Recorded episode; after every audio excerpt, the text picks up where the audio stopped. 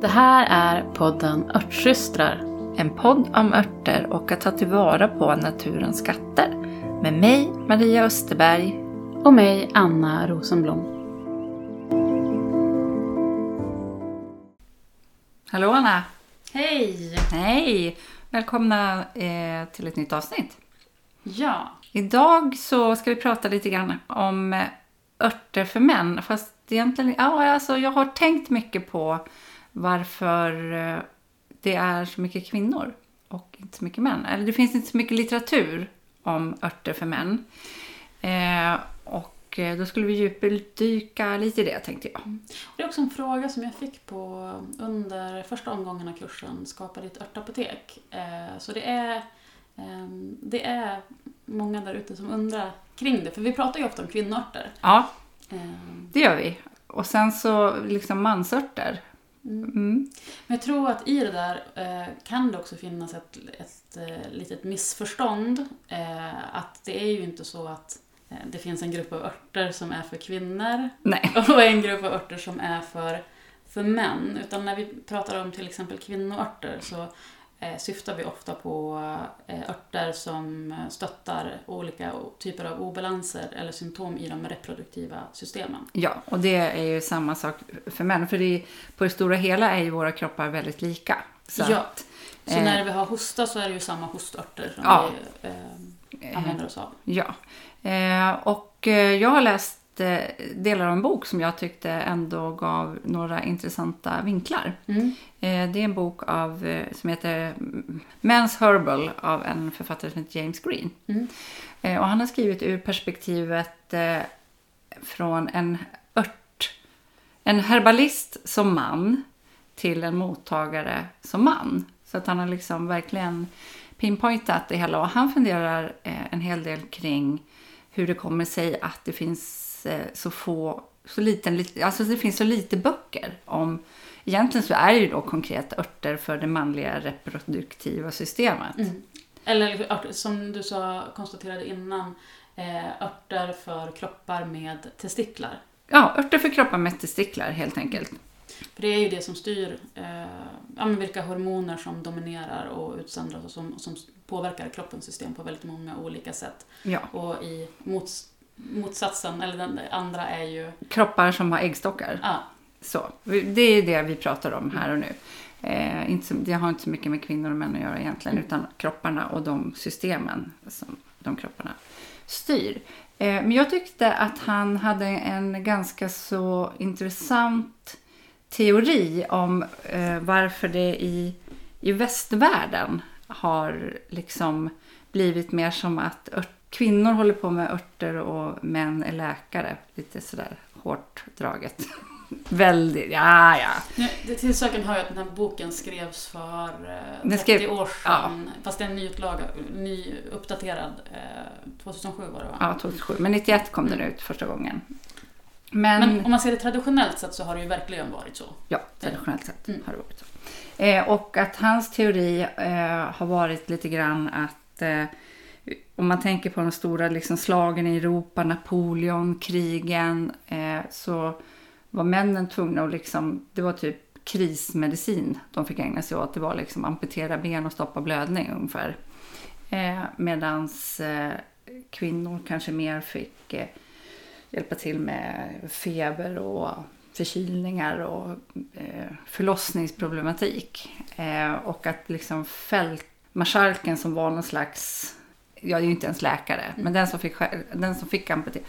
Eh, och att det på något vis grundades till vår nuvarande folkmedicinska tradition. Lite grann, att det har påverkat. Och för mig kändes det lite så här, hmm, det kanske i alla fall är en av ledtrådarna till... Att den, liksom, den manliga läkekonsten, det var den som liksom utvecklades vidare till, till skolmedicinen, till den moderna sjukvården. Ja, för att liksom, lite mer akutmedicinen. Att man liksom såg att folk bara eh, dog som flugor där på slagfälten och man måste göra någonting åt och lära sig mer. Liksom. Hur gör vi? Och att det lite grann är grunden för den vägen. Och sen så finns det ju också liksom, liksom trådar som löper bakåt till eh, häxbränningarna till exempel. För om man, man tänker sig där liksom de stora krigen eh, och sen liksom den begynnande moderniteten och det här skiftet som skedde då liksom de där förlossningsläkarna klev in i och tog Ja. över förlossningarna och man liksom man skuffade undan, eh, de kloka gummorna var undanskuffade för länge sedan och även barnmorskorna och att det blev liksom, att födandet blev mycket, mycket mer kliniskt. Mm. Och det där eh, finns ju liksom ganska eh, intressant beskrivet i eh, eh, Kerstin Ekmans eh, Vargskinnet-trilogi, liksom, Mm. just det där skiftet.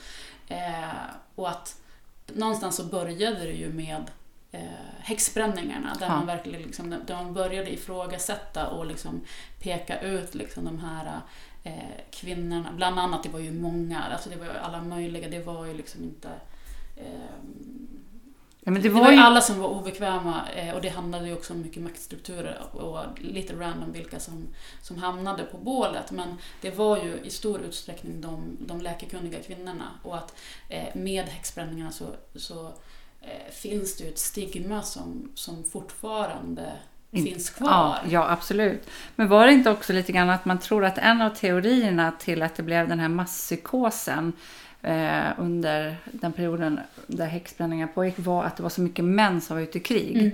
Eh, och att det var så många kvinnor som blev ensamma kvar i byarna och det var kargt och det var tufft.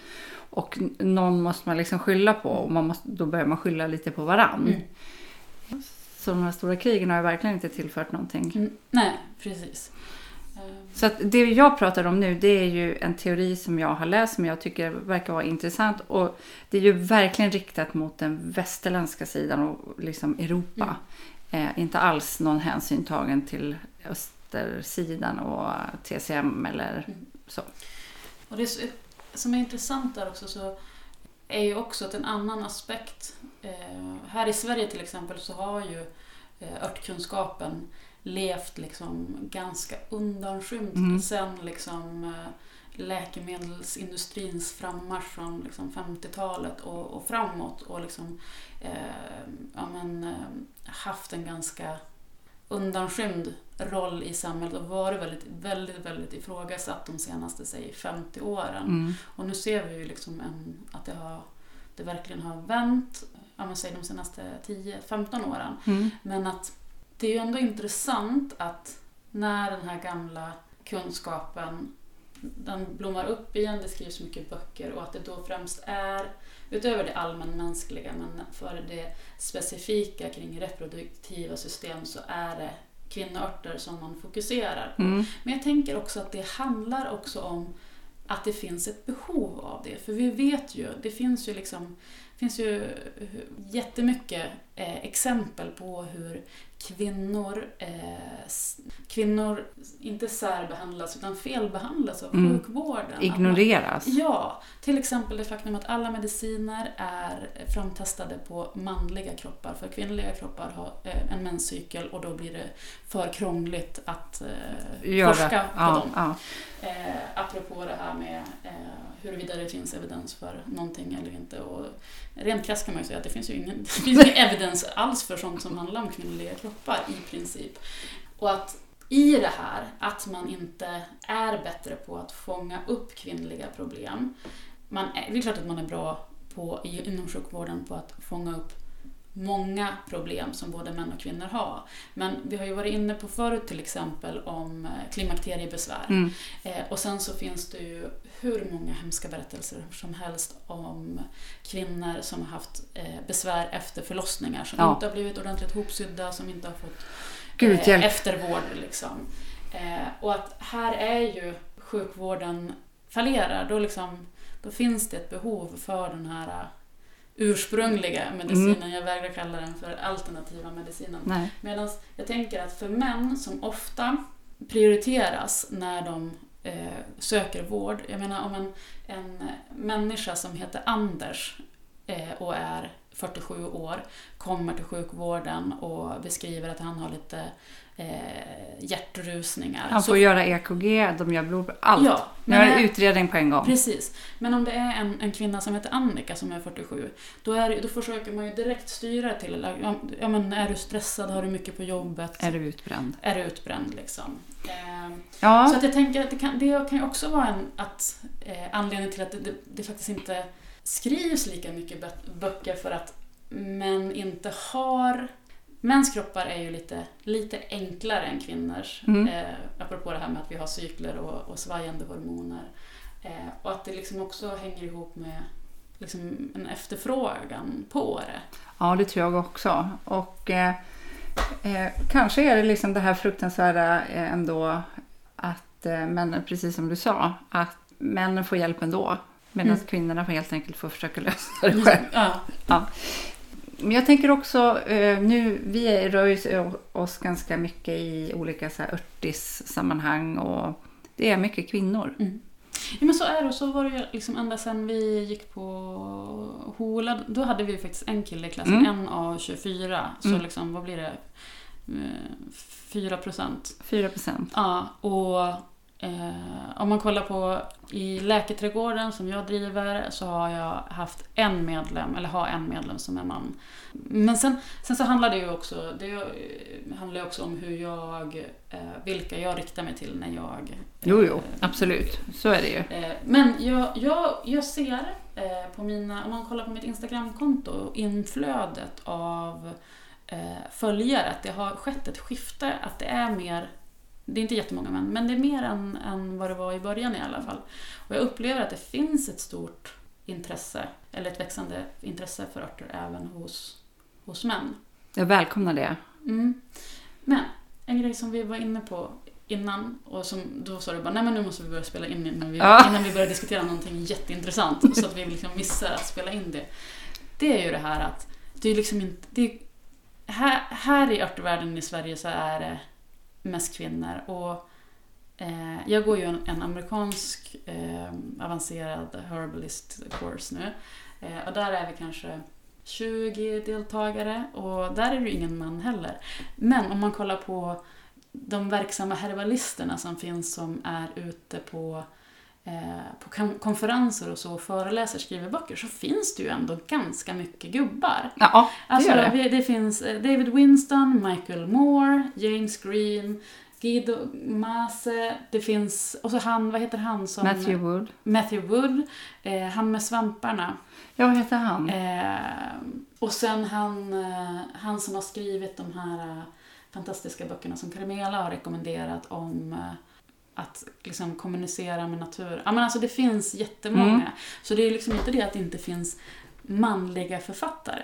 Så hur kommer det sig egentligen att det bara är James Green som har skrivit en, En bok. en manlig herbal? Ja, det är egentligen konstigt. Verkligen konstigt. Ja, men jag undrar om det är liksom för att det är ett sånt, ett sånt litet och specifikt ämnesområde. Ja, det kanske är det. Därför att eh, det går ju inte att komma ifrån att är du en person med äggstockar så är ditt, ditt cykliska system mycket, mycket mer komplext och komplicerat och det finns saker du kan påverka på så många olika sätt. Eh, men har du testiklar så, så är det kanske smalare. Det kanske räcker med liksom två besök hos en herbalist så får du den hjälp du behöver. Jag vet inte. Nu- För jag har inga testiklar. Nej. Nej, och nu, bara nu när vi pratar så kommer jag på också, nu glömde vi ju att nämna Janne, för vi har ju faktiskt Ja, Janne, Hallqvist herregud. här i Sverige. Eh, som också har skrivit eh, två böcker. Eh, men Janne skriver ju i alla fall i sin bok Örtapoteket eh, en hel del om örter för män. Mm. Eh, typ som, ja men jag vet att jag har läst, det finns flera liksom lite så ovanligare som, som han nämner. Men Ja, Rosemary Glad, ja det är ju inte en svensk, men hon har också skrivit en bok om örter för män som jag har. Eh, Och jag tycker att det är lite, lite intressant för att det är ändå lite andra örter. mm, Eh, och lite andra kompositioner. Mm. Men innan vi går in på det, Ja. bara en sista grej. Mm. Eh, för att liksom avsluta det där resonemanget.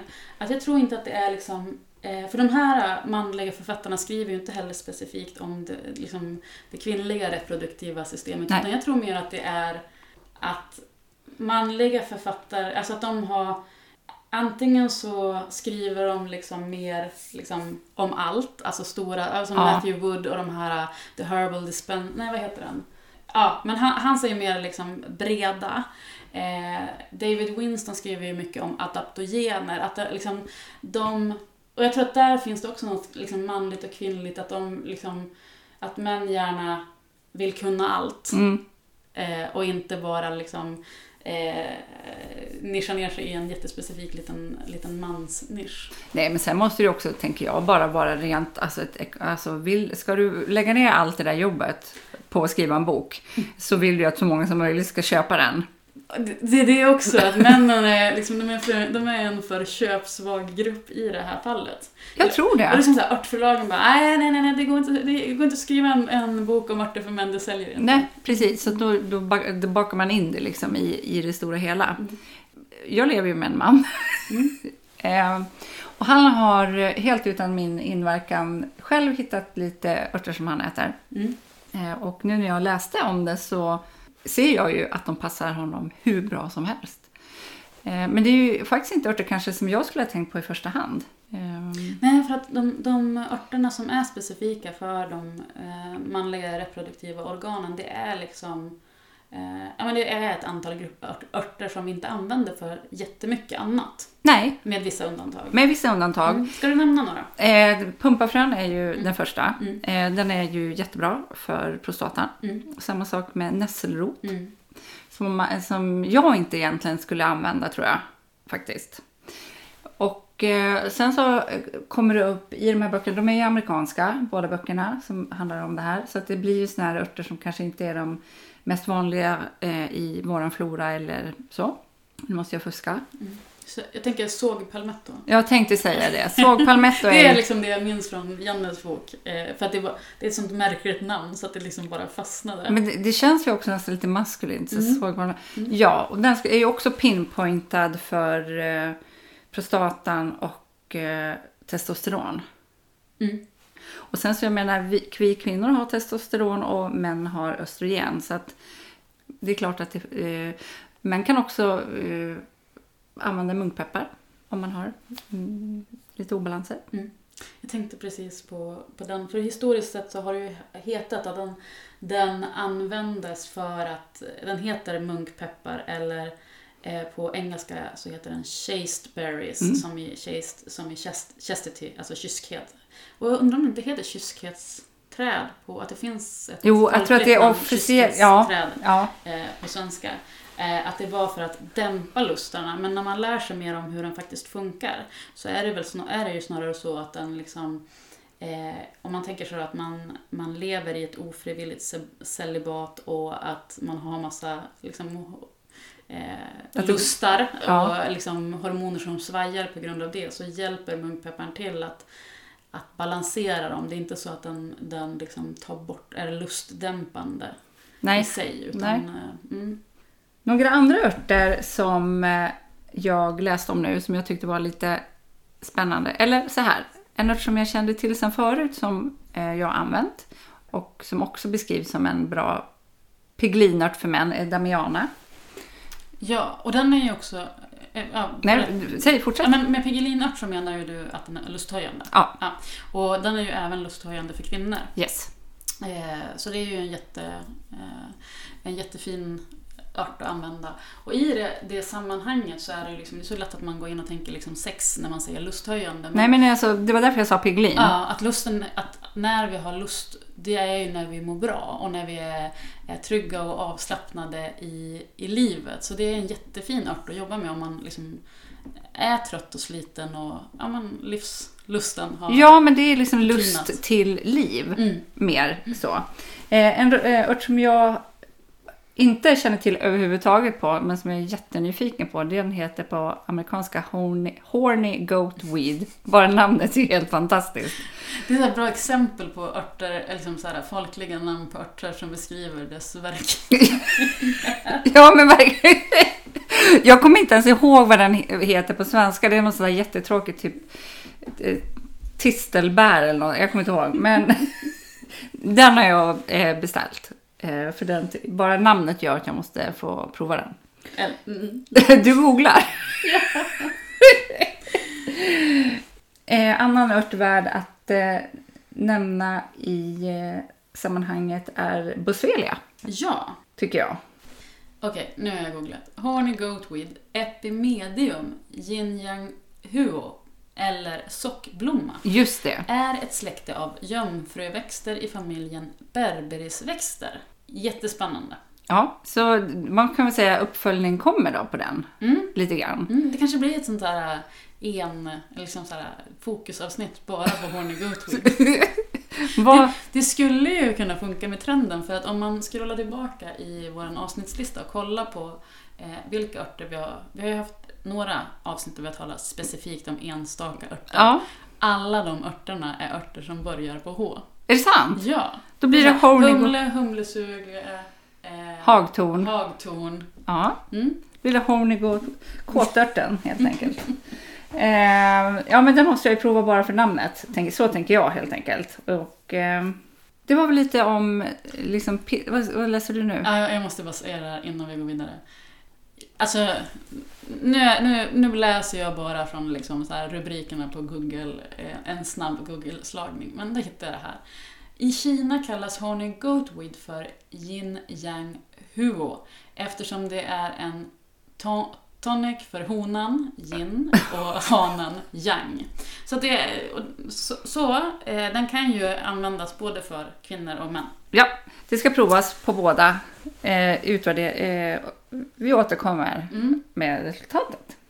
Men just eh, både, jag kan säga också örter, både James Green och Rosemary Gladstar örter eh, nämner eh, ginseng. Mm. Och eh, då framförallt amerikansk ginseng. Mm. För att den är inte lika liksom, het eller så, utan mer så. Eh, jag tyckte att det var ganska intressant att läsa om det här. Mm. Eh, jag kan ju inte uttrycka mig så jättemycket eftersom jag, som jag sa tidigare, saknar testiklar. Så jag kan ju inte säga liksom. Men det här är bara vad jag har läst. Mm. Så Anna, tiden börjar ta slut. Ska vi eh, avrunda med veckans eh, tips? Ja, Eh, och det får väl vara, vi är så här klurade på vad veckans tips skulle vara, men det, vi landade i att det får bli ett eh, boktips. Och då är det egentligen två olika boktips beroende på om du är kvinna eller man. ja. Så för dig som är man rekommenderar vi boken, eh, som, vad hette den då? Men's Herbal. Men's Herbal såklart, eh, av James Green. Den kan du köpa jättebilligt som sån här e-bok och ladda ner. Och så blir det Var då... någonstans eh, hittade du den som e-bok förresten? Då hittade jag den på en stor sajt i Sverige som heter Bokus. Ah. Och för eh, kvinnor så rekommenderar vi boken Rosemary Gladstars Herbal Healing for Men. För att den är skriven med, liksom med, med en, en annan kvinna som en tydlig mottagare. Medan den andra är skriven av en manlig herbalist till en man. Men sen, eh, om det är så att du redan har plockat upp en kopia av Rosemary Gla- Gladstars Herbal Recipes så är det också så att i den så finns det en, det är ju hennes stora liksom receptbok som är, Ja. Och där finns kan man säga den här boken sammanfattad. ja det finns Rent ett liksom, längre avsnitt. Ja. Eh, Så för att om man om du vill liksom lära dig lite mer om örter för män men det kanske inte är jättehögt prioriterat utifrån att du inte är säker på, säker på om mannen som lever i din närhet kommer ens att eh, vilja testa de här grejerna så kan det ju vara. Så kan den boken vara en, en startpunkt. Och särskilt om det skulle vara så att du redan har den hemma. Ja, men ett tips från mig är ju om du lever med en man eh, är att hälla upp en burk och ställa på bänken med pumpafrön. Mm. Så går den automatiskt ner i olika anrättningar. Precis, eh, och så här i försommartider kan man ju passa på att göra pesto med pumpafrö. Exakt. Och pumpafrö är ju också en jättebra källa till zink som Mm. även vi kvinnor mår jätte, jättebra av. Så att eh, det går ju att liksom smyga ner den i müslin till, eh, Till alla. till alla. Med det så får vi säga tack för idag. Ja, tack för idag! Hej hej! Många frågar efter de recepten som vi nämner i podden. Därför har vi valt att samla våra favoriter och göra dem tillgängliga för er. Vi tar en liten slant för dem. Det är därför också ett sätt för dig att stödja podden. Länk till recepthäftet hittar du i avsnittsbeskrivningen. Du kan också stötta oss genom att följa podden i din poddapp eller gå till poddens programsida och skriva en recension. Tack för att du lyssnar!